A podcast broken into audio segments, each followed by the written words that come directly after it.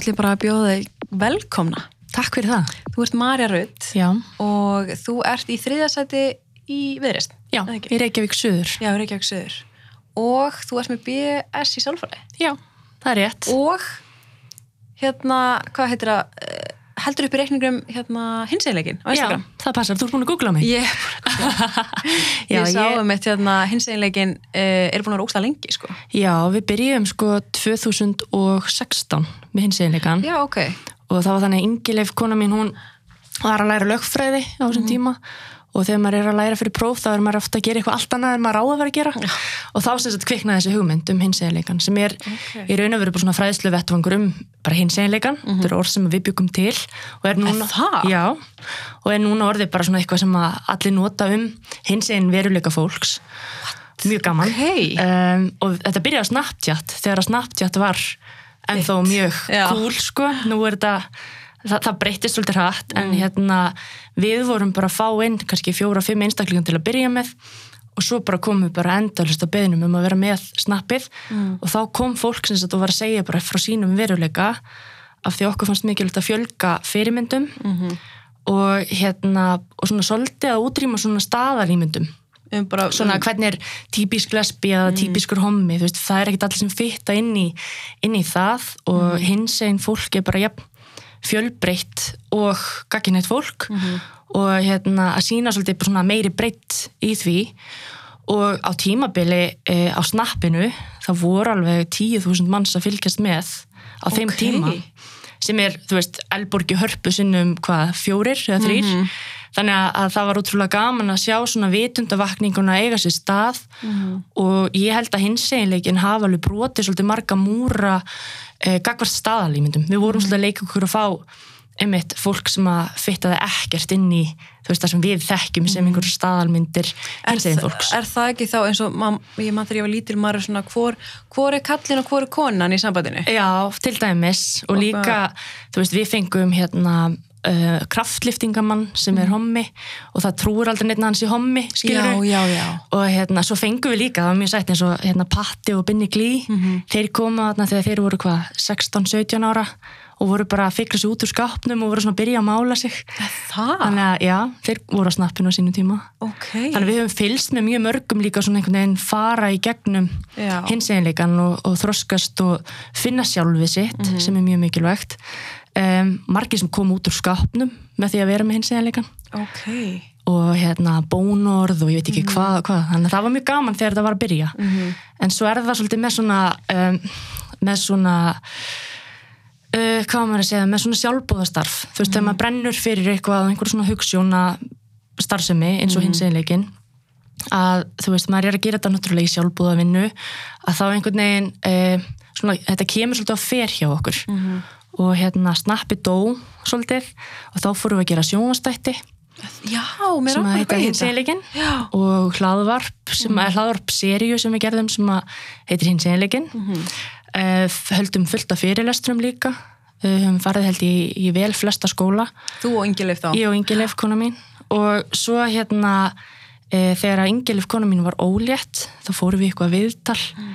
hjá DFF og hérna og töluðum eitthvað um þetta ferli og eitthvað, þetta gerist náttúrulega ekki af sjálfum sér þegar maður er Nei. í hins einn sambandi. Og hérna, og kommentakerfi bara eitthvað sprakk. Það var bara frekar hérna, viðbjósleg komment þar undir um að það væru þú veist, mannréttindabrót af okkur að vera eignast batn og börni er rétt á að eiga pappa og alls konar svona. Mm, kemur ekki óvart að það hefur verið kommentarkerði í ás. Og, hérna, og það hefur svolítið verið okkar mantrað ef, að, ef það er eitthvað mótlæti ef við finnum eitthvað bakslag að þá kemur krafturinn og þá hérna opnum við hinsegileikan á Instagram. Ok, þannig að það byrja allt með þessu viðtali? Nei, þetta, Nei. nei. það er sem sagt, við vorum eiginlega hægt með snappið, það var svolítið farið og fórum að fókusa á annað, skrifum líka badnabók sem heitir Vertu þú. Og hérna kom út í fyrra, hún er alveg, hérna, gekk mjög vel. Þannig að- við um, sagt, þegar við fórum þetta viðtal þá ákveðum við að opna hinsegileikan aftur á Instagram og fá aftur fólk til að koma. Og það er alveg búið að vera í gangi um, síðan 2018, 19 ok, og hérna, þannig að við svona fengum aftur kraftina því að við fundum fyrir svona smá hvernig bakslagi. var þetta viðtal á Djóf? Þetta hefur verið í svona mars, april 2019 pældi svona í því? Já. að maður heldur einhvern veginn að við, að við séum bara komin þar að, að bara hérna samkynir er náttúrulega með bara réttindi Mhm. sem þau, við heldum einhvern veginn við séum bara þar. -hmm. en svo er þetta ennþá svo ógíslega stert Já, þetta er mjög lúmst og það er líka alls konar svona ör áreiti og alls konar svona litli hlutir sem að, að þegar þú lifir í gengut veruleika þegar þú ert ekki hluti af jaðarsetta hópnum þá sér þetta ekkert en um leið þú ert orðin hluti af jaðarsetta hópnum þá er þetta allt í kring. Og þess vegna um, hef ég allavega lagt mig mjög fram um það um, verandi sjálf í jaðarsettum hópi hvort sem það er uh, hinsegin eða þólandi ofbeldis að um, ég hef alltaf lagt mig fram um það að hlusta á aðra jaðarsetta hópa sem ég tilheri ekki. Og ég reyna að hlusta sérstaklega á hvað það fólk er að segja eða byggjum í samfélaginu til þess að upplöfa meira öryggi, meiri skilning og svo framvegis. Og mér finnst oft sko bæði í stjórnmálunum og í svona samfélagsumræðinu uh, fólk setja sig á einhvern svona stall gagvart fólki og þykjast vera með einhverja lausnir sem eru ekki endilega lausnirna sem fólkið er að byggja um. Nei, og mér finnst það vera orðið svolítið svona þreytandi af því að uh, ég veit ekki hversu oft ég hef kannski sem hins egin manneskja fylst með einhverjir umræðu í samfélaginu þar sem að tveir gagkinniðir einstaklingar eru að debata um það hvort að ég megi giftast eða ég megi eignast börn eða hvort að ég eigi að vera svona eða hins egin og það er eitthvað sem ég held að við getum öll svolítið tekið til okkar að hlusta meira og tryggja þú veist samfélag fjölbreytileikans. Mm veist, við erum öll ólík, við erum öll sérstök sem betur fer það verður mjög leiðilegt að við varum bara alveg eins með sumu skoðanir og Já, hérna, já, já. lítum eins út og verðum í sumu fötunum. Það var ekkert fútt í því sko. Nei, það var ekki gaman. En, hérna, en þú veist, það er þetta með að, að skilja mennskuna í okkur og skilja hvaðan við erum að koma. Og í samfélaginu í dag þá erum við veist, það er allt svo hratt og það er svo mikið um svona polariserandi skoðanir, þú ert svona eða hinsegin, þú vilt þú, þú hafðu, taktu afstöðu með þessu svona. Um, ertu með á móti þessu og, og svo framvegis. En hlutirnir eru ekki alltaf alveg kannski svo einfaldir.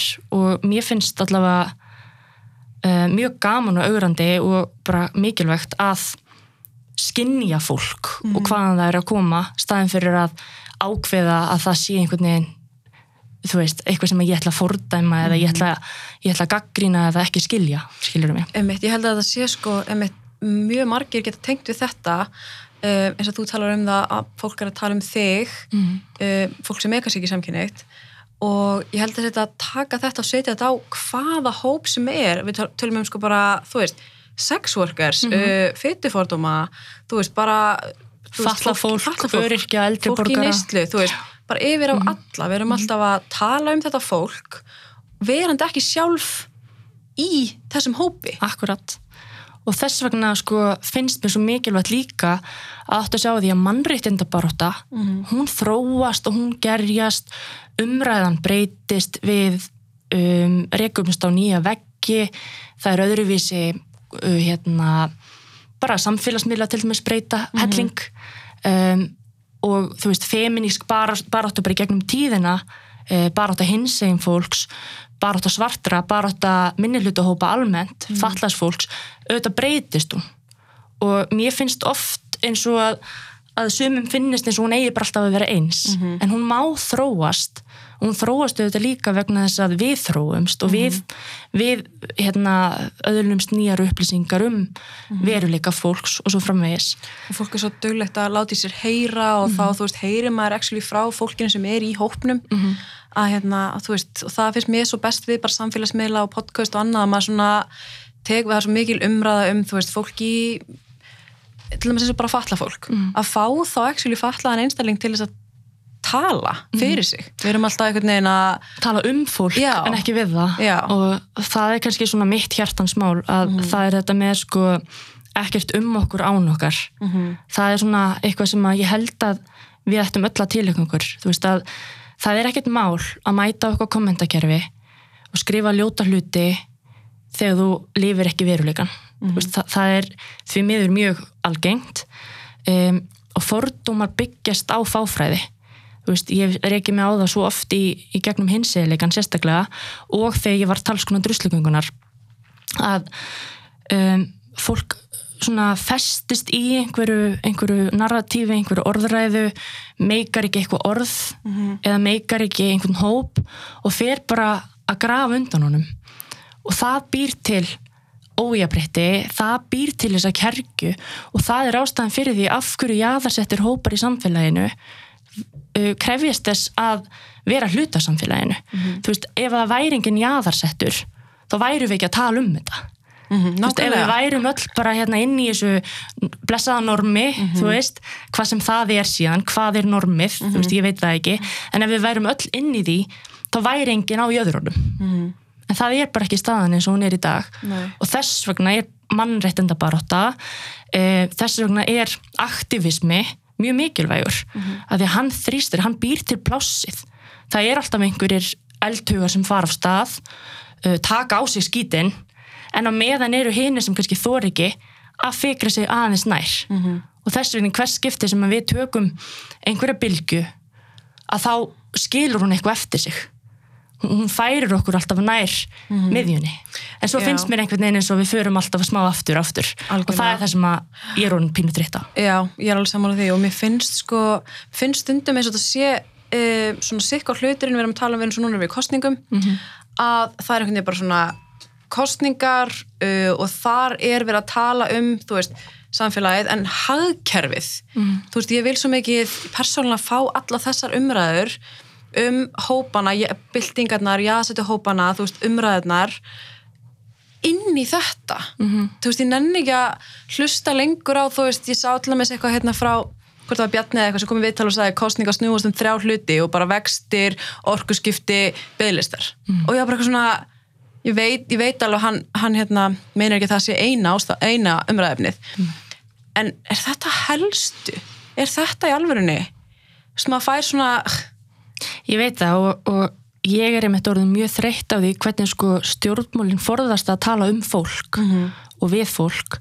Eh, Það er ekkert mál að skrifa, þú veist, góða stefnusgrá. Nei, Það er ekkert mál að tikka í flest boks og segjast vilja gera allt fyrir alla og vera voða, voða fítn í kostningabaratu. En svo snýst þetta líka um það hvað þú gerir með völdin þegar þú ert síðan komin á þann stað hvaða er sem þú gerir e, fyrir fólki. Og ég hef oft ég hef svolítið verið að pæla í svona uh, efnahags uh, umræðinni hún snýst alltaf bara um hagfræðihugtök. En á bakvið efnahagslífið er fólk sem fer í vinnuna, er að menta sig rekst á veggi, lifi sínu lífi. Og ef við tryggjum ekki velferðina, ef við tryggjum ekki það að fólki líði vel að við séum með uh, sem flesta í samfélaginu sem eru bara fungirandi uh, og eru að nýta sín tækifæri og þess vegna þurfum við að tryggja líka jöfn tækifæri fyrir fólk. Um, ef við tryggjum það ekki þá er ekkit mikið eftir í efnahagslífinu, mm skilur mér finnst skipta máli líka þú veist, að hugsa ekki bara um efnahægin og svo velferðina. Mér finnst líka skipta pínu máli að hugsa um velferðina og svo efnahægin algjörlega. Að því að þú veist, markmið lítur að vera að koma í veg fyrir að fólk um, lendi í vandræðum í lífinu. Að fólk sem að hérna, upplifir áföll, sérstaklega í æsku fara einhvern veginn í gegnum lífi við vitum alveg um, hverjar áhættunar eru fyrir þá einstaklinga. Uh, mér finnst við alltaf vera einhvern veginn að plástra vandamálin og horfast í augum einhverja afleiðingar staðin fyrir að hugsa, byrju, hvar eru ræturnar? Af hverju er það þannig að við erum að sjá meiri vannlíðan hjá ungu fólki? Af hverju er það, það þannig að svona margir lendi í ofbeldi? Af hverju er það þannig að 46% af hérna, öryrkjum á Íslandi eru öryrkja vegna andleirar öryrku hefði kannski verið hægt að hjálpa þessu fólki fyrr með því að kannski að vera með opin úrræði fyrir þau.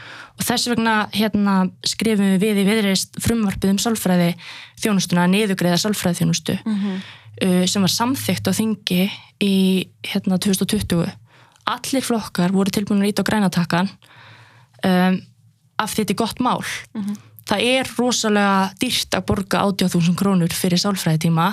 Það eru gríðarlega langir byðlistar hvort sem er á heilsugjæslunni inn á geðdeild, inn á bugl og svo framvegis þannig að augljósasti kosturinn er að niðugreiða þjónustuna fyrir fólkið þannig að allir flokkur samþýttu þetta en svo bara af þetta pólitík við vorum í minnuhluta náðu málunum samt í gegn að þá hefur ríkistjórnin ekki farið í það að tryggja fjármagn í þetta e, og ekki gert samninga við sálfræðinga. En hvað þýðir að íta á grænatakkan? Það þýðir að kjósa já. En ef þú kýst já, Þetta var það lögum sko. Þetta er, þetta er lög í dag, lögin í dag segja að þessi heimild fyrir ráþeira að e, semja við sálfræðinga og niðugreiða þessa þjónustu. Þetta var það lögum Já. 1. janúar 2021 núna. en það hefur bara ekki verið farið í það að semja við. Nei, og tryggja fjármagnið. Og það er bara pólitísk ákvörðun. Mm. Þannig að mér fannst ég vera svolítið mætt í eitthvað svona síndaleikrit Mhm. þegar að, að, að þetta er það gott mál að engin flokku þorði að vera á rauðatakunum, kakar því, eða þú veist, segja nei. En af hverju eru við í pólitík? Af hverju getum við ekki bara unni saman að því að klára svona mál? Mhm. Uh, við erum að tala um á tímum þar sem að, að það er heimsfaraldur. Fólk eru að upplifa kvíða, óöryggi, einmannalega.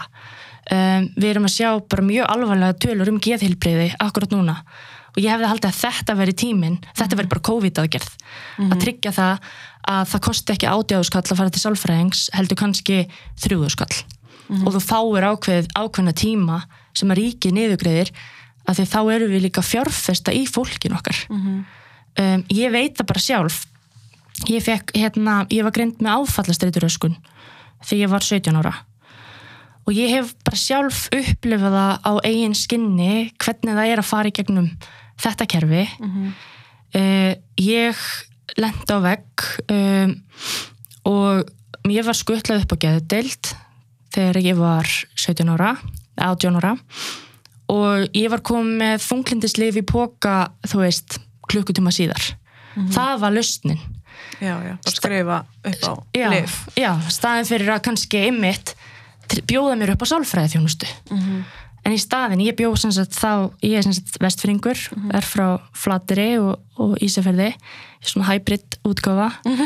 Og ég bjó á Flateri, nei, bjó á Ísafjörði á þessum tíma og ég flög söður einu sinni mánuði á eigin kostnað til þess að hitta sálfræðing og ég borgaði fyrir það allt sjálf En er ekki, var þá bara engin, engin sálfræðingur þarna þar sem þú bjóst á Ísafirði? Nei, að veist, það var eitt sem kom einu sinni mm. mánuði og stundum var bara hann viðuteftur og ef þú fílaðir hann ekki, það var ekkert annað í bóði. Mhm. Þannig ég fann, ég fór til stígamóta fyrst og fekk þetta nafn hjá sálfræðingunum sem ég er búin að vera hjá alveg síðan þá. það? Og hérna, um, fer ekki oft núna. Ég kláraði svona áfallastreitur öskununa þegar ég var svona 19 ára og hérna og fjárfesti bara í mér ég átti ekkert peninga, ég á ekki bakland ég er ekki, kem ekki af efnuðu fólki en þetta var bara eitthvað sem að maður skrapaði saman og ég fór ekki í útskriftafærið mentaskóla því ég var að borga fyrir sálfræðukostnar En þetta er alveg 80 krónur á mánuði eða eitthvað? já, eða veist, þá var það einhver sjöðuskall tíminn. Já, ok. sem er náttúrulega núvirði, þú veist, ég veit ekki hvernig það er en, en þú veist, ég var ég var sem betur fyrir svo heppin að, að ég forgangsraði þangað, þannig að ég náði ég náði, þú veist, bata. Eh, það eru ekkert allir svo heppnir og þegar að ég var 20 ára þá svona fór ég fyrst að finna svona einhverja veist, beinabraut. Þú veist, að ég gæti komist yfir yfir mín sár og ég gæti einhvern veginn uh, reynda að loka þeim. Þannig að, uh, það sem ég var að meina er líka sko að fyrsta stopp er einhvern veginn livjögjöf og að bara plástra staðin fyrir að fara inn í. Það er alveg hérna það er alveg viðurkend að klíniskar meðferði sálfræðinga þær virka Mhm. sérstaklega á kvíða, þunglindi og áfallastrituröskun Já. þannig að, að mér finnst einhvern veginn bara svo tækifæri að fjárfesti ekki í því Já, en er, er ekki alltaf, mér finnst alltaf sögurum vera að það er ekki til fjármagn. mm. Er það raunin? Er ekki til fjármagn? Ég meina, hvað við, að- hvað við að nota fjármagn í frekar? Hvernig er þetta forgangsrað? Hvað er mikilvægast og hvað ekki? sko um, ég veit ekki um betri fjárfestingu fyrir samfélag en að fjárfesta í líðan uh, við svona varlega útreiknað þá er talað um að það að niðugreiða sálfræði þjónustu geti kosta svona 1,5 til 2 miljard á ári Er það mikið að lítið í... Ég skal setja í samingi. Það er talað um það að áföll batna í esku kosti samfélagið 100 miljard á ári. Við erum að tala um 1 til 2 sem að við erum að tala um að í að fjárfesta til þess að reyna að fyrirbyggja og koma þannig í vekk fyrir kannski að fólk lendi í, í, hérna, í uh, fjölþættum vanda setna meir á móti 100 miljörðum sem það er að kosta samfélagið okkar að börninu okkar sélenda í áfalli ofbeldi, vanrekslu og svo framvegis Mhm. um, bara hérna uh, útborgun örorkulíferis uh, á ári er um 20 miljardar og það er auðvitað líka, þú veist það eru einstaklingar sem eru vegna andlar örorku Mhm. og ef við myndum bara fækka aðeins ná að grípa fólk fyrir og ná að grípa það áður en það fer út í það að verða hérna öryrkjar að þá erum við auðvitað að spara til lengri tíma Mhm. þannig ég þóra fullir það að fyrir hverja krónu sem við setjum í þetta þá fáum við tíu tilbaka. Mhm. þannig að þetta er í raun og veru bara mjög góð fjárfesting. Og jú, það eru til peningar það er bara pólitísk ákvörðun að, að verja þeim í þessa átt. Eru, eru hérna, svo er alltaf talið um að hérna, já, við fyrir sálfræði þjónustu að þá einhvern veginn bara rjúki allir mm uh, og fá sér sálfræði þjónustu en er það raunin? Ég meina, -hmm. Nei, ég held ekki hver nennir að setja hjá sálfræðingi klukkutíma ef þú, hef, ef þú, þú veist, græðir ekkert á því? Ég held þú farir ekkert eitthvað til sálfræðings bara til þess að leika þér sko um, en við erum samt alveg bara með þú veist, inn í lögjöfinni gerðingar fyrir það við tölum um þú þarf tilvísun frá lækni og það er eitthvað hámarka tímum Mhm. skilur þú ert ekki bara með opin krana Nei, út nei, æfina að tryggja þessa, þessa fyrstu hjálp Mhm. um, við lendum öll í áföllum í lífinu, ég held að fari enginn í gegnum lífið án þess að lenda í einhverju Mhm. og, hérna, og sem betur fyrir svona umræðan um geðheilbriðismál komin á þann stað, þetta er ekki lengur tabu þegar ég var hann að 17 ára þá var það alveg bara pínu skömmustulegt að ég var að fara til sálfræðings Mhm. Ég sá mig sko frétt að hérna, þar þú ofinbæra þín, hérna, þín áföll 2013 mm -hmm. og það, það umræðan var allt öðruvísi þá. Já, hún var bara mjög lókuð. Mm Uh, þegar ég ákveði að segja frá minni reynslu, þá átti ég enga fyrirmynd -hmm. nema Telmu Ástísadóttur sem hafði sagt frá 2001 uh, bókin myndin af pappa Já, er búin til, eh, var skrifið Gerður Kristný skrifaði það bók. Og ég man þegar hún kom í sjónvarpið og ég, hérna, og þú veist það var svona umfjöllun um hana, þá hafði ég lendi í mínum brotum. Mhm. um, og mér langaði svo að segja þá. Þá er ég bara 13 ára eitthvað svo leiðis, sem þú segir frá. nei, sem að ég er að horfa á hana stíga fram. Mm. og þá var umræðan um ofbeldi bara eiginlega ekki nein. Mm hún svolítið rauf þennan múr sagði frá hryllilegu ofbeldi sem hún var fyrir af hálfu pappa síns -hmm. og ég man alveg hvernig ég satt í sófanum þú veist við hliðan á mömmu minni um, sem var þá gift manninum sem að, sem að hérna misnótaði mig og var uppeldis pappi minn ég átti engan annan pappa á þeim tíma Já, hann var stjúp, svona, já, upp, hann óldi upp já, já, já. já. Ég, hérna, ég kynnist blóðpappa mínum þegar ég er svona 14 ára þannig að ég er ég er alin upp af þessum manni alveg frá því ég er tökjara Mhm. Og hérna og ég man alveg tilfinningun að sitja í sófanum og horfa sjónvarpið og langa svo að segja en ég þorði ekki. Þannig að ég þagði í sex ár alveg yfir öllu og bjó bara inn á heimilinu og, og ég fann bara svona ég fann leiðir til að lifa af sem voru eiginlega þær að vaka bara um helgar. Og, þegar hann var heima. Já, og hérna svo flutti, flutti eldri sýsti mín hérna, sem er dóttir hans stjúpsýsti mín, flutti til okkar og bjó í bílskurnum og ég fór bara að gista upp hjá henni, þannig ég svona ég fór að bera alla ábyrð og varði mig bara fyrir því að, að vera ekki að lendi í þessu. Mm og það var ekki fyrir en að ég var 17 ára sem að ég segi frá þannig ég tók alveg 6 ár í að, að kingja bara þessu og ég, ég lísti þessu oft sem svona þetta er svona eins og að vera með svartan köggul inn í sér og hann bara stækkar og stækkar og stækkar. Og þá kom síðan bara að þeim tímapunkti í mínu lífi að, að það var annarkvört bara uh, hreinlega að deyja eða segja frá. Að því ég gat ekki ég gat ekki verið inn í þessum aðstæðum lengur svo þetta verður maður líka bara eldri. Það er bara mikill þroskamunur á því að vera 12 ára og 17 ára. Algjörlega. Og er, er hérna, þú býr á Ísafrið þegar þetta gerist? Flateri já, flateri já. og segir um mömmuðin einhvern tíma frá þessu? Þegar ég er 17 já, þeir eru 17 já. og hún hafði náttúrulega ekki hugmyndum nei, nei, nei. Ég er náttúrulega sko alin upp á flateri um, og er krakki á flateri eftir snjóflóði sem að fjall þar 95 alveg rétt. Og fullarðan fólki sem að upplifi það áfall um, fekk ekki þá sálfræði hjálp sem að það hefði þurft. Mhm. þannig að fyrir viki þá get ég alveg sagt að það var mikil trikja mikil óregla og auðvitað bara fólk svolítið hérna svolítið bara ónýtt Mhm. eftir það. Þú getur ímyndað þér að vera í pínu litlu þorpi þar sem allir þekkjast þó að deyja 20 manns. Þú veist, það er bara hérna, bara hryllilegt og við sem erum börn á þessum tíma, þú veist, ég er sex ára þegar að snjóflóði fellur. Auðvitað smitast þetta inn í, inn í okkur líka þó svo við Já. höfum kannski ekki alveg haft skilningin á því sem var að gerast. Mamma mín var, og já, veist, mamma mín var bara 24 ára en mér fannst eins og hún væri gömul kona já, já. en þegar maður setur sér í samingi þú veist að, að hérna, þetta hafði náttúrulega gríðarlega áhrif og, og kannski gerða það að verkum að það var um, að kannski höfðu þau kannski ekki alveg tækifærin eða verkfærin til þess að halda nógu vel utan um okkur Mhm.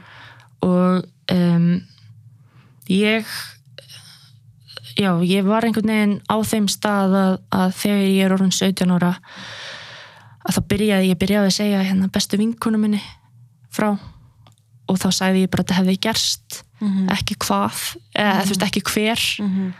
um, af því ég stóði náttúrulega frammi fyrir því að taka áhætt um að vera bara að splundra upp fjölskyldunum minni. Mamma mín og, og hérna, pappi voru bara ennþá gift og byggu saman og, og ég á yngri sískinni þannig að mér fannst einhvern veginn öll ábyrðin vera á mér eins og var að eiðilega eitthvað fyrir hinnum á meðan að það var auðvitað hann sem var að eiðilegja allt fyrir öllum með því að, með því að hérna, gera þetta. Þannig að, ég var mjög lengi bara í því hugarastundi hvað mun gerast ef ég segi frá? Og svo um leiðum maður er búin að segja einhverjum einum þá er auðveldar að segja næsta. Mhm. og þá var auðveldar að rjúfa síðan það að segja hver það var og þá er einhvern veginn ekki alveg eftir snúið. Nei, og hérna og það endar á því að að hérna ég bjó í Reykjavík uh, þegar ég var 17 ég var í MR Mhm. og hérna bjó bara ein og, og var að vinna og reyna að menta mig og gera eitthvað gera eitthvað gagn. Um, og stjúpappi minn kemur í hérna í heimsókn. Eða sem þetta bankar upp og er blindfullur og hann einhvern veginn er eitthvað að vorkina sjálfum sér rosalega mikið þarna og ég er eitthvað að reyna að hátta hann og eitthvað eins og maður. Eins og börn sem ber alltaf miklu ábyrð gera. Um, og þá fer hann eitthvað að fabulera um einhverja hluti um mömmu mína og um eitthvað svona hann ætti nú bara að skilja og eitthvað. Og ég segi eitthvað svona já bara af hverju ekki? Og hann bara já þú veist byrja eitthvað að vorkina sér það hafa allir verið svo vondu um mig. Og ég fann bara þá í fyrsta skiptið svona einhvern kraft þar sem ég bara horfið svona á hann og sagði bara en þú hefur líka verið vondur við fólk. Og hann sagði hvað meinar og ég bara þú veist hvað ég meina. Og þá brotnaði hann alveg niður. Og það er fyrsta skiptið sem við ræðum þetta já þið ræðið þetta alveg. já, 17 ára, nei, ég meina ég segi þetta og hann, Já. þú veist, brotnaði niður svo bara er hann fullur og fyrir að sofa. Og daginn eftir þá lofaði hann bara öllu hérna, fögru og svona og, en baði mig um að segja ekki mömmu. Þannig að þá glemdi ég þeirri klemmu skilur mig og, og hérna ákveð þá að hætti í MR um, ákveð að flytja vestur fara í mentaskólan þar og var með rosalegt plan um að ég ætlaði einhvern veginn bara að tækla þetta með honum án þess að mamma myndi þurfa að vita en ég fann bara ég gæti ekki lokað á þetta lengur. Mhm. um, enda ekki þín ábyrð að Nei, en það gekk ekki vel skilur, veist, það var hérna mjög óraunhæft plan, en þarna vantaði bara alltaf umræðu, ég átti ekkert ég gati ekki um, leita til hvenna sem að ég vissi að hefðu farið í gegnum Mhm. sama, ég, mér fannst ég vera eini í heiminum einhvern veginn með þetta vandamál og var það sannlega ekki með við tölfræðina en það var bara ekki komið upp á, upp á yfirborðið. Það var ennþá svo mikil skömm og algjörlega og bara eitthvað sem að maður talaði ekki um sko. og hérna ég kem sem sagt heim um jólin klára jólaprófin hjá mér og kem heim um jólin og þá bara sprakk allt upp og hérna og ég og, og hérna stjúpaði minn áttum annað samtal um þetta sem fór alveg í, í hérna út um þúfur og þá ákveði ég bara að segja með mig frá og 18. janúar 2007 segi ég henni frá og um, var mjög full það var kannski ekki best aðstæðan ég var búin að, ég var sko, ég var svo skynsum stelpa sko, ég var búin að hérna panta mig tíma til að fara söður og fara að hitta stígamót mm -hmm. Ætlaði þá að fá ráðgjöf um það hvernig maður ætti að segja mömmu sinni frá svona. Eins og að segja einhver leið. Engin leið, en maður er bara eitthvað að reyna að finna eitthvað. Mhm. og, hérna, og ég sem sagt fer um, á eitthvað jam og ég sem verði og verður rosalega full af því ég var náttúrulega ekki í tilfinningalögu jafnvægi. Nei, og er bara hérna, mér er skuttla heim og ég vakna bara daginn eftir við það að mamma kemur tímin og bara hvað var það sem þú múst að segja við mig í nótt? Og ég bara, hvað með góður. Myndur þú það ekki eftir myndi ekki neitt sko.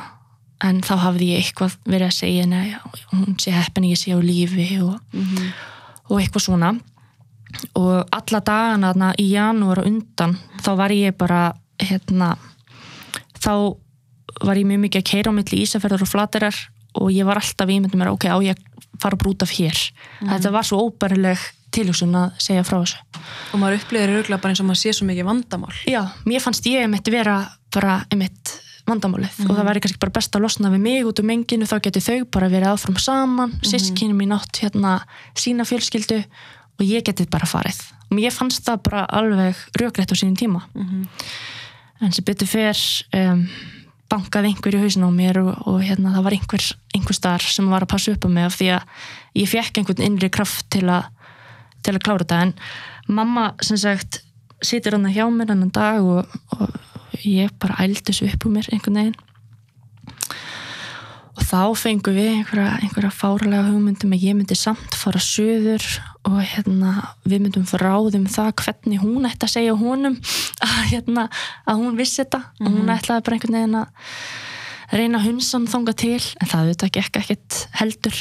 Og daginn eftir ringdi mammi í mig og þá var hún búin að búin að hérna segja honum að hún vissi þetta. Og það sem að mér fannst einhvern veginn erfiðast er að veist, hann viðurkennur þetta allt. Skilur hann viðurkennur þetta fyrir henni hann viðurkennur þetta fyrir mér. Ég kem heim til ömmu þau voru þar og, og hann bara brotnar alveg niður og ég sá alveg honum fannst þetta leðilegt og ég veit alveg að, að hérna að þetta er ekki hérna, að þú veist, ég sá alveg að hann yðræðist en en á sama tíma sko hann fer söður bara daginn eftir og kemur aldrei aftur heim. Bara fer. Og hérna og ég reykist á hann einu sinni síðan. Og það var í IKEA. Og þess vegna fór ég nú ekki að dilt hann já, hann Stíðsefna. læti svo alveg hverfa? Já, eftir þetta? Gagvart okkur sko, mér og mömmu. Hann hefur alveg verið í samskiptu við sískinni mín. Já, ok, en hérna, en já. Og svo sem sagt bara stuttu síðar fer ég til sálfræðings og Ísafriði og þá er máli tilkynnt til barnavendar því ég er 17 ára. En þú ert náttúrulega bara bara batt þegar þetta gerist. Já, já. þetta er náttúrulega 6 árum síðar sko. Mhm. og þá um, fer af stað svona kæruferli sem ég hafði ekki mikið kontról yfir. Þannig að barnavendar nefnd ákveður bara að kæra. Er það ekki vel þannig að hérna, mál þú ert undir 13 eða eitthvað þau fyrir þess aldrei Uh, jú, uh, það hefur fyrningareglunar hafa breyst, það var þannig að þau fyrnust, mm. fyr, hérna, fyndust en þetta málu var ekki, ekki fynd og ég hafiði, þú veist þá, það var eiginlega þessum tímapunkti sem ég fannst ég missa tökin. Mhm. af því að sko mm, þetta, þetta fer í laurugluransókn og stuttu síðar byrjar hann bara að neyta af því það er það sem að það er það sem að, að fólki þessari stöðu verðist gera af því að það kemst upp með það. Mhm. leiðinni gegnum réttavislukerfið er auðvitað eins og hún er og ég fór í gegnum þetta kerfi frá því að ég var 17 þá til ég var 19, tók tvö ár. Og maður er að býða hvern einasta dag eftir að heyra eitthvað vegna þess að, að hérna, mann er langað svo að ljúka þessu. Eðlilega. Og meðan er fjölskylda mín alltaf bara í upplausn og allt í ruggli og, og allt það. En hérna en í grunninn skiluru ástæðan fyrir því okkur ég fór að berjast fyrir breyttu réttafislukerfi er vegna þess að ég hef prófað þetta sjálf. Og ég veit hvað þetta er ópersonulegt og ég er náttúrulega 17 ára þannig að ég var sko hvorki aðili máls Nei, ég fekk, þú veist, ég fór í skýslutöku bara fyrir dómi um, á undan.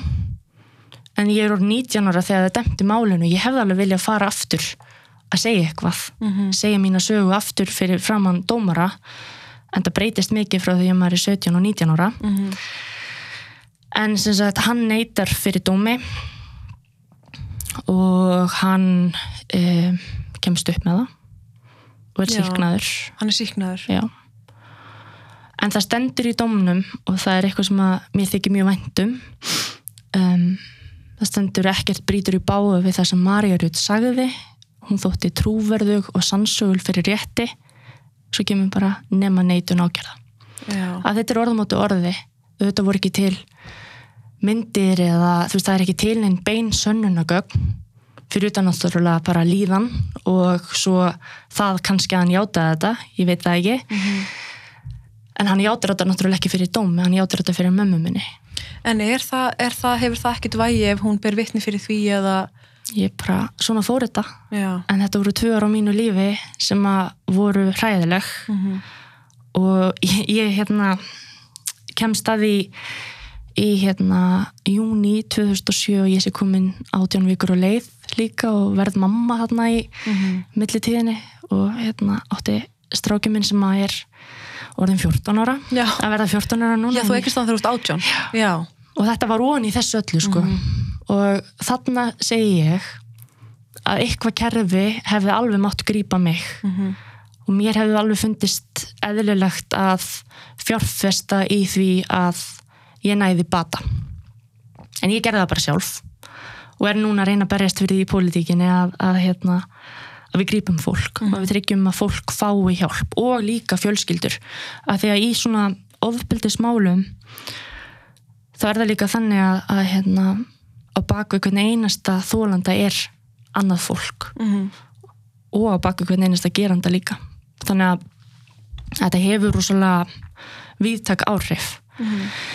En ég síðan talaði ekkert um þetta þannig að dómurinn kemur 2009 og ég skammaðist mín alveg ótrúlega mikið fyrir allt þetta ferli og af því að hann var síknaður þá fór ég að fá bara hérna alls konar svona mikið skemmtilegar árásir á mig eitthvað um að þetta væri allt hérna ég var í lígari og með saklusinsektir sönnuð og allt þetta. Já já bara þú veist hann er saklus þú veist eitthvað hérna einhverju gamlir vinir hans sem voru fullir og kom, kom að mér og þú veist og ég fekk engan frið og dómurinn eru þetta byrtur á netinu líka þannig að maður er náttúrulega mjög berskjaldaður í þessu þetta er náttúrulega manns allra, allra sárasta og allra heilagasta þannig að ég pakkaði veginn bara niður og, og opnaði ekkert aftur á þetta fyrir hérna 2013 þegar ég segi frá í þessu viðtali. Og þá er ég nýttekin við sem talskuna druslugöngunar og var þó líka formaður stúdendaráðs og hérna og, og ég hef alltaf sagt að druslugangan og það að byggja hana upp um, var mín heilun. Það var svolítið svona redemption tíminn minn þar sem að ég um, notaði mína reynslu til þess að hafa hátt fá smá útrás fyrir tilfinningarna reyðin og allt þetta. En líka bara allt fólki sem tók þátt þessi stóri hópur sem var með okkur í þessu þetta er og þetta movement sem varð til þá um, hvort sem það er, þú veist alltaf þegar ég sé krakka núna með druslumörds litla hjarta sem við byggum til og svona þá ég fæ alltaf smá sting svona góðan sting í hjarta af því að, af því að veist þetta var ekki sjálfgefið. Og fyrstu tvö árin sem að hérna sem að við erum að skipulegja og ég er talskona druslengunum þá fór helmingu tíma sér að útskýra af hverju drusla. Þú veist, og fólk var bara eitthvað svona, þetta var ákveðin hópur sem mætti og svo sá maður breytinguna, það fóra eldast, þú veist, þá komu eldri einstaklingar og fjölbreyttari hóp, hópur. Og svo eitt ári voru held ég yfir 10.000 mann sem mættu. Og það var bara rosalegt Mm. að, að sjá það gerast. En síðan þá hafa verið margar byltingar En það er með þetta, hvena var fyrsta druslugangan ykkar? 2011 Já, og ég kem inn 2013 við erum að tala um tíu ár. Mhm. og það er einmitt svona sem ég fór að velta fyrir mig um daginn því ég, þín saga með réttakerfið ég veit ekki hvað ég er með mörg skilabæði inbóksinu mínu sem eru svona Mhm. og það er 2021 Mhm. og maður finnur stundum bara svona hvenar, hvenar munum við raunverulega sjá einhverja breytingu málsmeðferð mm Mhm. -hmm. sálfræði tímum niðugreislu eitthvað kerfi sem raunverulega grýpur þú veist, Já. fleiri úrræði þú veist, stígamót, það er alltaf beðlisti uh, skiljanlega, þú veist, það er bara brjálega að gera lítið mannskapur og, og þú veist, hvernig aðkvæði, konu, allt þetta. Þú veist, við erum enda bara svo ótrúlega aftur. Já, sko mér líður af því ég tæmdi mig síðan í druslugöngunni. Mhm. þú veist, það var bara þú veist uh, þú átt ákveðna orku Mhm. í svona og ég fann bara, ég var búin að gefa af mér eins og ég gat og ég var einmitt bara í hvers skipti sem einhver leitaði til mín og mér fannst ég geta að hjálpa þá fannst mér einhvern veginn sári mitt gróa aðeins meira -hmm. og þá kom tímapunktur 2015 þar sem ég ákvaða að stíga tilbaka og bara gefa öðrum þú veist, tækifæri og plattform sem er bara mjög mikilvægt líka í, í þessari baráttu og hérna og ég hugsaði ekki hvað langar mig að gera Mhm.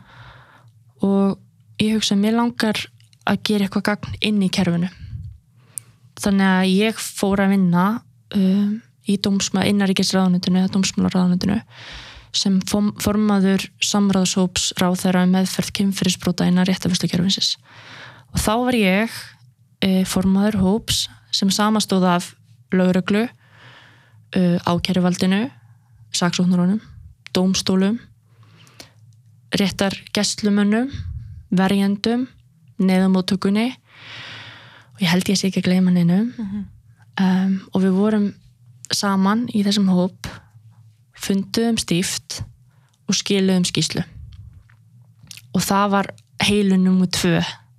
Heilu nummer eitt var að vera aktivisti. Heilu nummer tvö var að gangi inn í kerfi sem ég var búin að berjast gegn og kynnast í svolítið. Og þar lærði ég að í kerfinu vinnur gott fólk. Það er bara allt of fáir allt lít, lítill peningur og, um, og þau eru bara að móka allan daginn. Það sem, þar, það sem að þarf til um, er að fjölga höndunum tryggja að þau getið fengið veist, endumendun og, og hérna, veist, uppfæra þú veist, það kom alltaf ný og ný brot meina, við séum bara netbrotin sem eru komið núna uh, og hérna stafræna kynfyrsofbeldið hvernig einhvern veginn samfélagsmiðlar eru síðan að koma inn í þetta uh, og alls konar að þú veist, lögreglan þarf alltaf að vera að þróast líka Mhm. um, af því það sem skiptir mestu máli til að tryggja sko um, svona auki tröst á kerfinu það er að um, málinn skil árangri að það skipti máli að kæra af því að tölfræðin eins og hún er núna er svolítið bara why bother Mhm. og ef að málsmeðferða tími eru tvö ár þá hugsa mjög margir af hverju ætti ég að fara út í þetta Mhm. þannig að, að augljósast er að gera allt sem við getum til að stytta þannan tíma og þá þurfa kerfin öll að tala betur saman Mhm. um, og, og 2000 og hérna 16 skiluðum við mjög fínni skýslu með alls konar aðgerðum tímasettum og tölusettum og, og hérna og svo framins allir þessar hópur hittist. Við sammæltum stum að þetta væri mikilvægast. Mhm. en mér líður oft með svona aðgerðar áallanir og svo leiðis að það sé ekkert mál að búa þær til. En svo er það hvernig þú ætlar að framfylgja þeim. Mhm. og ég get alveg sagt í minna að það er margt sem hefur alveg gerst. Uh, það er ekki svo aðgerðar áallanir hafi verið stungið í skuffu Nei, nei, nei. og ekkert gerst. En mér finnst þetta gerast mjög hægt við erum búin að tala um réttastöðu þólenda mjög lengi. Það þýðir að, að í staðin fyrir að núna er það þannig að, að þólandi er ekki aðilu máls, hann er bara vittni í eigi máli. Brota vettvangurinn er líka með þinn en þú ert vittni í málinu. Að því íslenska ríkið reku málið. Uh, í Norðurlöndunum í Núrei og fleiri löndum þá ertu með hlutaðild þá ferðu aðeins meiri aðgang aðeins meiri upplýsingar að kerfinu, þá, er það meiri eins og þú sért aðili í málinu Máls. með ríkinu. Já, já, já. Að því að uh, eins og kerfið er núna þá fer þólandi bara í skýslutöku einu sinni. En hann getur aldrei séð skýsluna hjá uh, sakborningunum. Nú er það. Og, máið, og bregst þannig leiðandi ekki við því sem uh, hann eða hún segir. Mhm. þannig að þú, þú getur ekki komið og sagt bara, herðu, ég er enda með sönnunagögnum að, að það sé eitthvað hérna, eitthvað ekki rétt sem er verið að segja hér. En þannig að það er þó ákveðið hvort að máli fari haldi áfram based on bara þessum tveim án þess að, fyrstu skýslu, já. Já, ok. Og hérna og þú veist, ég talaði alveg um það þú veist, við ættum að gera kerfi svona rafrænt svona eins og þetta væri, hérna, þegar þú panta Dominos pítsu, Mhm.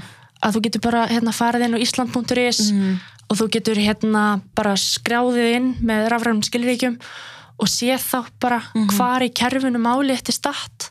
Bara eins og allt við erum pó- pósturinn, þú veist. Já, og bara þetta myndi Heilsuvera. spara rosalega tíma því að það er mikill tími sem fyrir að ringja og spurja þú getur og nýmdar allir, og- allir sem eru að býða eftir niðurstöðu mála eru auðvitað með sína réttugjæslumenn eða lögmenn, lögmenn að býða að þú getur bara einhvern veginn að sé þetta svona sam, sam hérna, svona kyrst einhvern veginn samhliða sko.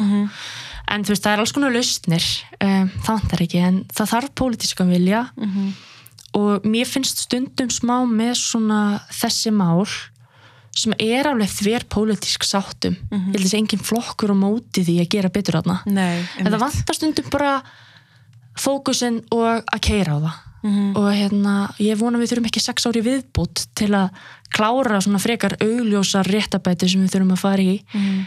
um, það er svona mis, mis um, þetta er kannski svona mishátt á lista hjá flokkum. Mhm.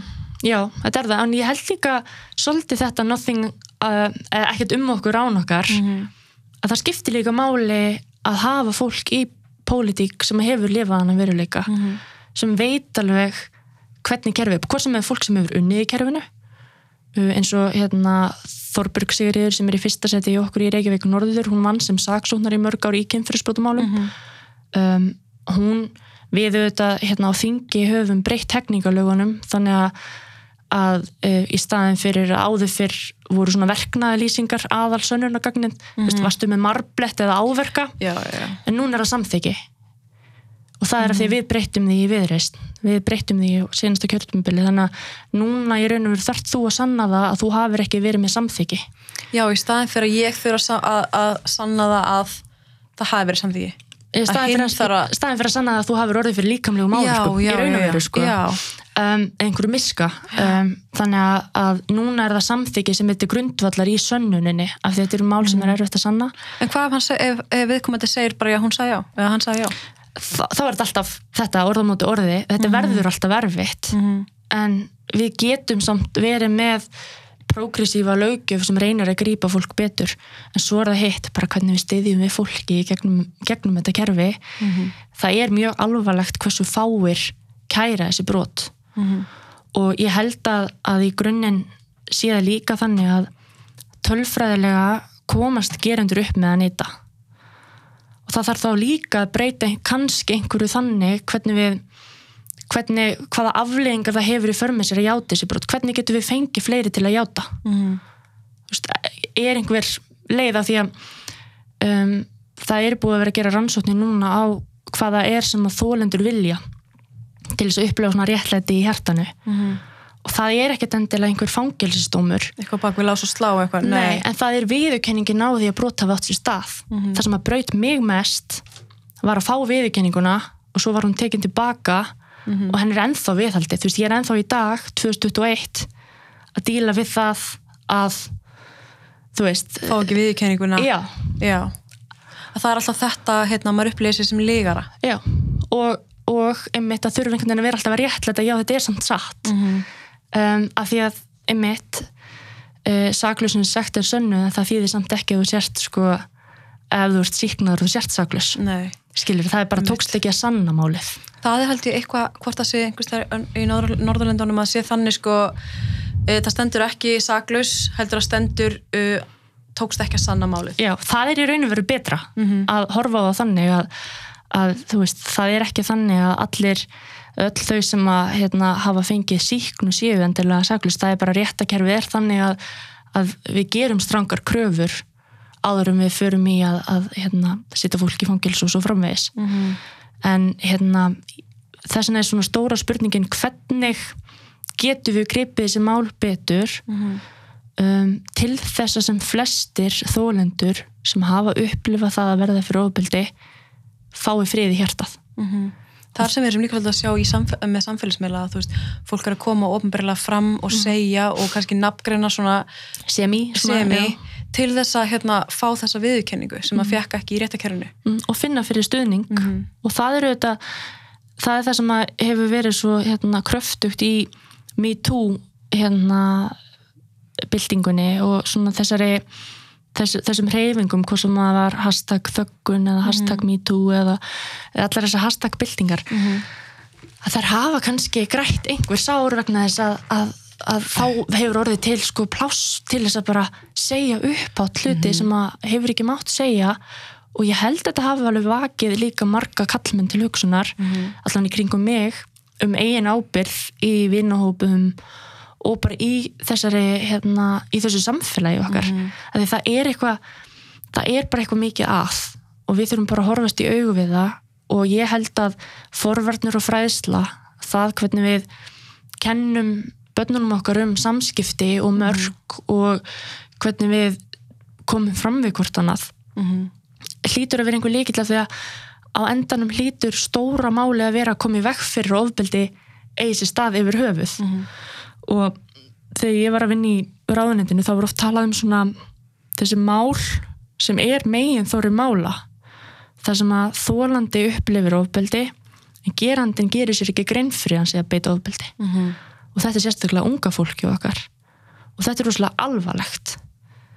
Þarna er ná- nákvæmlega það vanti kannski bara fræðslu Já, að það er ekki markviss kynfræðsla, það er ekki markviss fræðsla um samskipti, um klám, um hvernig um, hvernig þú mátt vera kynvera, hvað þú, þú mátt segja og svo framvegis. Þú veist, þú mátt setja mörg þú átt að setja mörg Mhm. um, og ég held að, að sko með því að taka markvist á þessu að þá gætu við komið vekk fyrir svo ótrúlega mörg sár hjörtu sem að fara bara ung í gegnum það að annarkvort að horfast í augu við þann speil að hafa mitt einhvern. Mhm. eða að vera svo sem var eða svo eða sá sem var mittur Mhm. og hérna en svo eru þetta annar hópur einstaklingar sem ætla sér sannarlega að brjóta á fólki. Já, og ætla sér sannarlega og targeta einstaklinga og svo framvis það er, þetta er svolítið sitt hvort hópurinn. Mhm. og ég held að við ættum að fókusa svolítið á, á við sitt hverju lægi að hérna svolítið svona átt, átt okkur á því hvernig hvernig við getum reynd einhvern veginn að að tala ekki bara um vandamölu heldur reyna að finna lausnir á, á því. Algjörlega. Mér finnst að, einmitt sko, ég held að allir flokkar séu svona þokkalega uh, varir um þetta, hérna, það vanti fræðslu og þú veist, það er allir sammála um það, þetta er ræðilegt ástand og allt þetta, en svo finnst mér oft vera að tala svo mikið um þetta, hérna, um, allir að fá sumu tækifæra, allir sumu þjónustu og allt þetta, en svo erum við með svo ótrúlega stóran hóp af fólki sem verður fyrir ofbeldi um, en er einhvern veginn í stöði í samfélaginu sem það fær ekki sömu meðferð eins og ef við tölum um konur í neyslu Mhm. það eru held ég þetta er bara eitt stærsti hópurinn sem verður fyrir heimilisofbeldi og kynferðisofbeldi uh, ná ekki að taka þátt í MeToo uh, eru jafnvel heimilislaus Mhm. geta ekki tilkynnt heimilisofbeldi eða kynferðislegt ofbeldi vegna þess að þeim er hent í fangelsi fyrir að vera kannski með eitulega á sér. Mhm. en þannig að þú ert ekki þarna er ekki verið að ráðast á rótum vandans. Nei. eða hjálpa fólki.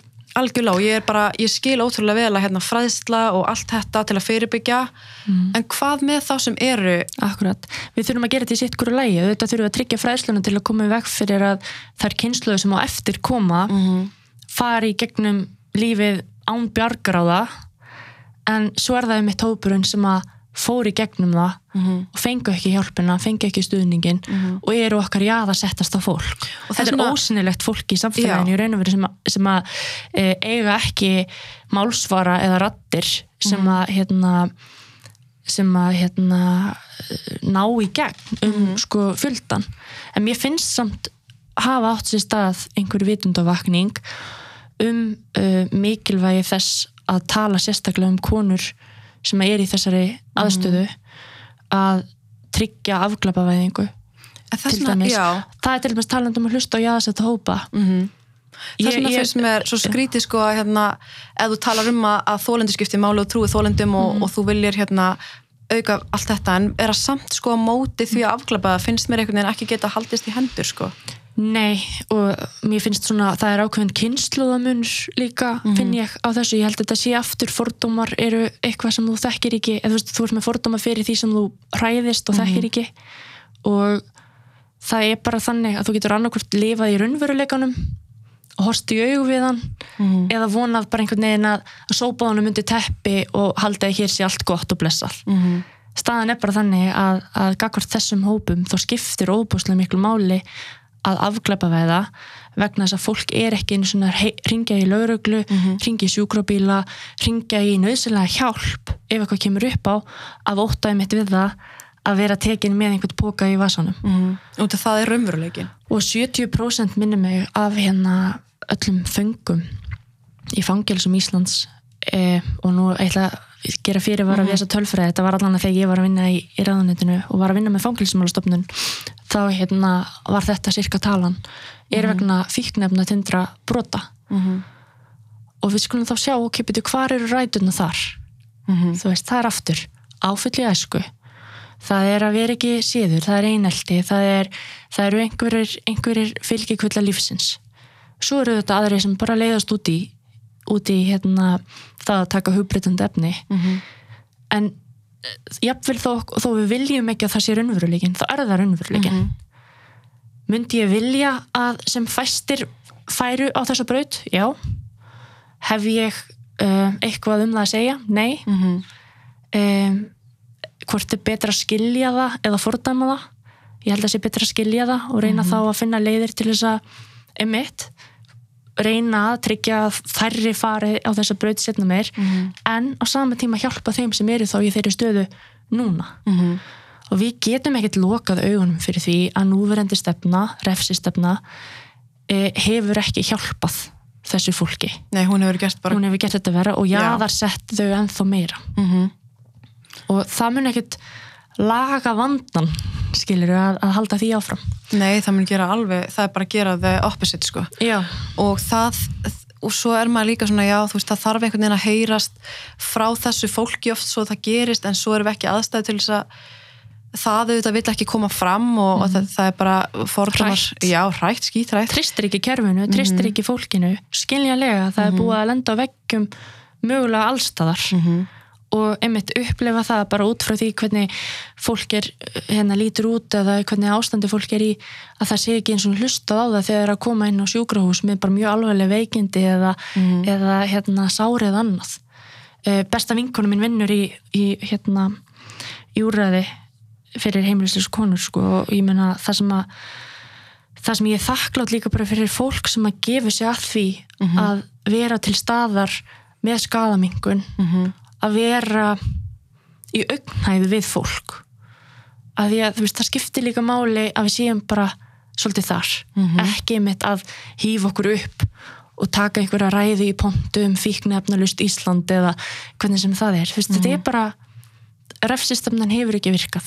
En og líka- þetta á sér rætur frá bara bandaríkjanum þegar, mm þegar að ég held að það hafi verið Nixon saði bara hérna stríð stríð gegn fíknefnum og það fór einhvern veginn allir í þessa átt með því að, að, hérna, að setja fólk bara í fangilsi á meðan við hefðum alveg geta kannski farið í aðra átt og bara hjálpa á fólki. Mhm, að þetta er fíknir sjúkdómur líka. Já. og svo hérna það sem ég ætla að segja áðan er að eh, ó, ég er að glemma hvað ég ætla að segja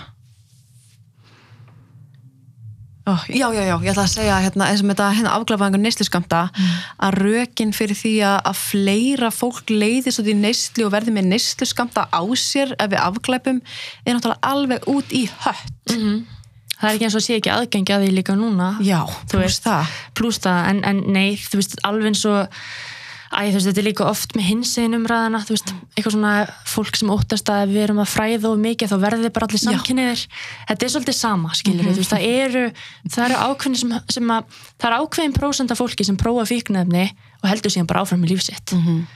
og bara, fæn uh, það eru aðri sem prófa þetta bara aldrei en svo er þessi hópur sem prófar þetta og kemst ekki út úr því. Mhm. og þú veist, það mun ekkert breytast. Nei. En, en við þurfum líka að horfa bara í rannsóknir hvar eru áhættu þettinir Mhm. hvað segir sagan okkur, hvað segir reynslan okkur og horfa svolítið í það þegar við tökum þessu umræðu Mhm. en svo finnst mér líka fólk oft tala um þetta einhvern veginn út frá sínum veruleika Mhm.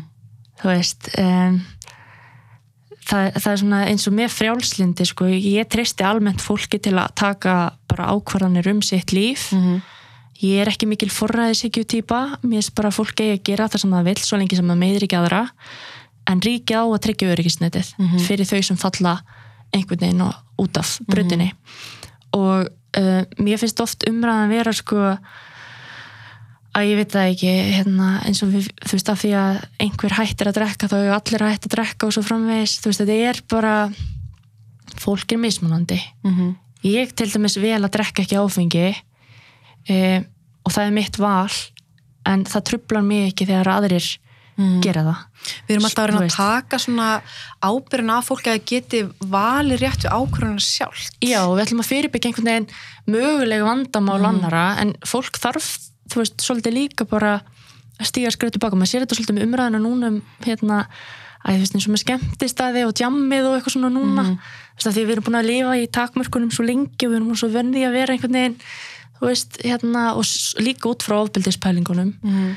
en þú veist, ég er ekki að djamma, ég er ekki að skemmta eða, veist, ég skemmti mér reyndar mjög vel en, en hérna, Ég er ekkert að er ekkert að skemmta skemmta mér. Nei, en, en þú veist, þetta snýst ekki um mig sko. Nei, þetta snýst kannski um unga fólki eitthvað sem að er að, þú veist það þurfa allir að fá að prófa að vera 20-24 ára neyri bæ og gera mistök skiluru, uh, lendi í ástasorg og allt þetta, þetta er bara hlut af lífinu. En hérna, ég held að við fyrirbyggjum ekki svona leiðilegu hluti lífsins ömulegu hluti lífsins, við fyrirbyggjum það ekki með bóðum og bönnum, ég held að við fyrirbyggjum það með því að tala saman með því að fræðast með því að sína hvort öðru skilning, með því að vera svolítið í sama liði og með því að vera hérna, svolítið mennsk, sjá mennskuna í hvort öðru Uh, af því við, við gætum alveg sagt, herri, við bönnum allt og við erum bara heima hjá okkur og gerum ekki neitt og þá lendir enginn í slísum og, og þá verður ekkert ofbeldi og þá verður, verður allt gott. Nefnum að vera bara ofbeldi Já, heima. reyndar, en ok, ekki gott dæmi en, en, hérna, en þú skilur mig, þú veist, við gætum alveg fara þá leið að vera bara,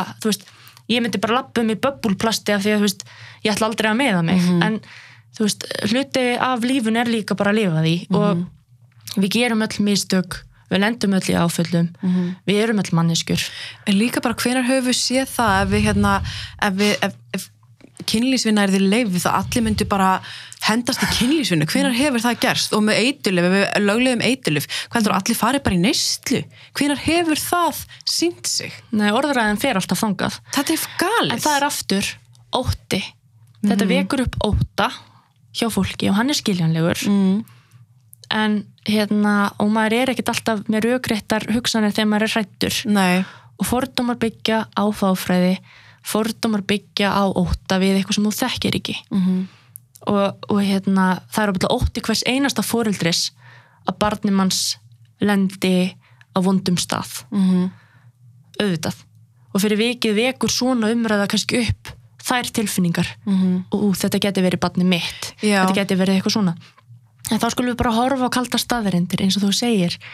Það eru ekki aukna líkur á því að það verði hérna röða fólki sem fari í það að, að hérna kaupa hugbreyndendefni eða og svo framvegis af því það er hvað sem er alveg hægt að gera það í dag. Það eru allir á eitulifum í bænum. Já, já, ég bara, hef oft talað um ungt fólk sem segir að það sé miklu auðveldra að redda sér hérna því en áfengi, sko.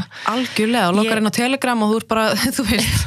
Ég var inn á Telegram að því að við notuðum það einhvern tímann í einhverju verkefni í pólitíkinni og svo horfði ég á einhvern þátt sem mitt fullirti það að þetta veri hérna appið til að kaupa dóp og ég bara guð, hérna vissi það ekki. þetta er fáránlega auðvelt sko. Já, ég bara, hérna, ég hætti, ég lokkaði mig á núta því ég vildi ekki að fólk held að ég væri að til, að, til að kaupa, kaupa þetta. En, en eins og ég segi, veist, þetta er, bara, þetta er því miður, bara mjög, þetta er mjög aðgengilegt. Og aftur við getum lokað augunum fyrir því eða ekki. Og hérna og þú veist, það er ekkit mál bara að, að einmitt loka augunum og segja það er ekki ofbeld á Íslandi, það eru ekki gerendur á Íslandi, mm þetta er allt bara góði drengir, uh, hér er bara gott að búa, hér eru ekki fordómar hér er ekki útlendingahatur hér er ekki hatursorðraðið gagvart hinsinn fólki og hérna og ég, ég hef aldrei séð fólki í, hérna, sem notar hugbreytnað efni. Þú getur alveg við lifa í þeim veruleika bara í þínu húsi og, og ekkert hugsað um samfélagið en, en það er samt ekki raunveruleikin Nei, þannig að, að maður hefur svolítið val hvort með maður er. Mhm. og svo hefur maður líka val um að reyna að gera eitthvað til að breyta því eða hjálpa til. Algjörlega Er hérna eitt af lokum, var viðreist alltaf fyrsta val? hjá mér? Mm. já, ég var sko ég sagði það í þessu viðtali þarna 2013 af því að ég var þá formaður stúdendarás og var búin að vera svona í hagsmuna pólitík svolítið að lemja á mentamálar á þeirra þá út af einhverjum lánasjósmálum og eitthvað. Og þá var ég spurt, þú veist, langar það ekki til pólitík? Og ég segði sko þá að að hérna pólitíkin væri jafn fljótandi og kynniðin af því ég hafði aldrei fundið flokkin minn þá voru reyndar svolítið færri flokka til en hérna um, ég er svona frjálslind kona uh, sem trú alveg á þú veist, trú alveg á að efnahagurinn megi vera fjölbreyttur og við megum vera með fjölbreytt úrræði. Uh, ég er ekki á því að ríki þurfa að reka allt þú veist eins og í ofinbæra kerfinu ég vil stert ofinbært kerfi ég vil ekki enga væðingu en mér finnst allt í lagi enga rekin úrræði séu innan ofinbæra kerfisins sem eru niðugreitt aðgengið er tryggt, alveg svo sálfræði þjónustan þetta eru engar ekki úrræði sem ríki kaupir þjónustu af, mér finnst ekkert að því. Eh, og ég hef alltaf verið þar en ég hef alltaf verið brjálagur aktivisti og réttlæti sinni í hjartanu. Og það var engin flokkur einhvern veginn sem að sko var með báða þessa þætti fyrir en að viðreist kom. Og ég var svona ég er alveg upp á rosalegu sjálfstæðisfólki það er alveg hérna eða, þú veist, í svona nærfjölskyldinu minni þetta er allt bara fólk sem hefur verið á þingi fyrir sjálfstæðisflokkin og þetta er svona mjög mjög mikill þannig flokkur en ég fann mig aldrei. Ég fann mig aldrei alveg þar. Ég einhvern veginn hérna ég átti ekkert heima þar. Nei, nei, svona misfitt einhvern veginn. Já. litla, hérna, litla aktivistin og lesbían sko. um, þannig að ég um, var svona laumuskutin fyrst í veðrist kaus svona eitthvað Mhm. í laumi og rosa rebell bara eitthvað af því það sér, ske- sér sko enginn hvað maður kýs það er svolítið gott en svo hérna Nefn að þú eru merki kostningablaði eins og ég Já, reyndar það er hérna, það er eitthvað Mhm. en hérna en svo hérna 2017 eftir kostningarna þá hitti ég Þorgerði Katrín og Kiki Mhm. og vorum að dansa og ég var bara með Ingelu og Kiki eins og hver annar Mhm. og þar kynnumst við og, og hún býður mig síðan stuttu setna að verða aðstofamæðurinn sinn Ok, þannig að ég er búin að vera aðstofamæðurinn hennar í fjögur ár. Ok, og bara og félst bara vel þar inn í ég meni á Kiki? Nei, já, já. Nei, þú veist, það var bara shield the deal, skilur Já. við, þú veist, að, hérna, að heima bar flokksins er á kíki, sko. Nei, en, en jú, jú, það var bara, þú veist, ég er 98,9% sammála held í öllu sem að viðrist talar um, eða, veist, eiginlega 100% sammála öllu. Uh, þannig að ég er mjög stolt af því að vera í viðrist og þetta er nýr flokkur, hann er fimm ára gamall. Ok. Hann var einsást því ég byrjaði í honum. Mhm. þannig að við erum ennþá, það er ennþá svo mikið frelsi til að koma hugmyndum áleiðis móta þær. Uh, flokkurinn gerjast auðvitað bara eftir því sem að fólki kemur inn og, og fleiri rattir um, og það er bara ótrúlega gaman hjá okkur, þetta er góður hópur, góði vinir mm samheldin hópur sem er með þetta, þú veist, frjálslindi jafnrétti, alþjóðsamstarf og, og svona almanna hagsmunir, það er svona okkar okkar leiðastef, þannig að ég er allan mjög spennt og, og hérna, þangur til annað kemur í ljós þá er ég að manifesta að ná að verða þingmaður. En það verður bara komið það bara góður leið og... já, ég veit ekki, það er bara hérna, ég, að, ég mun ábúinlega vaka mjög lengi á mm. lögutegum að því ef ég kemist inn þá verður það alveg á lokametrónum Mhm. Gæðvegt. Ég bara óskaði mjög góð skengi svo hlægt að fylgjast með þér. takk fyrir það og takk fyrir að fá mig Já, bara velkomin. Alltaf velkomin.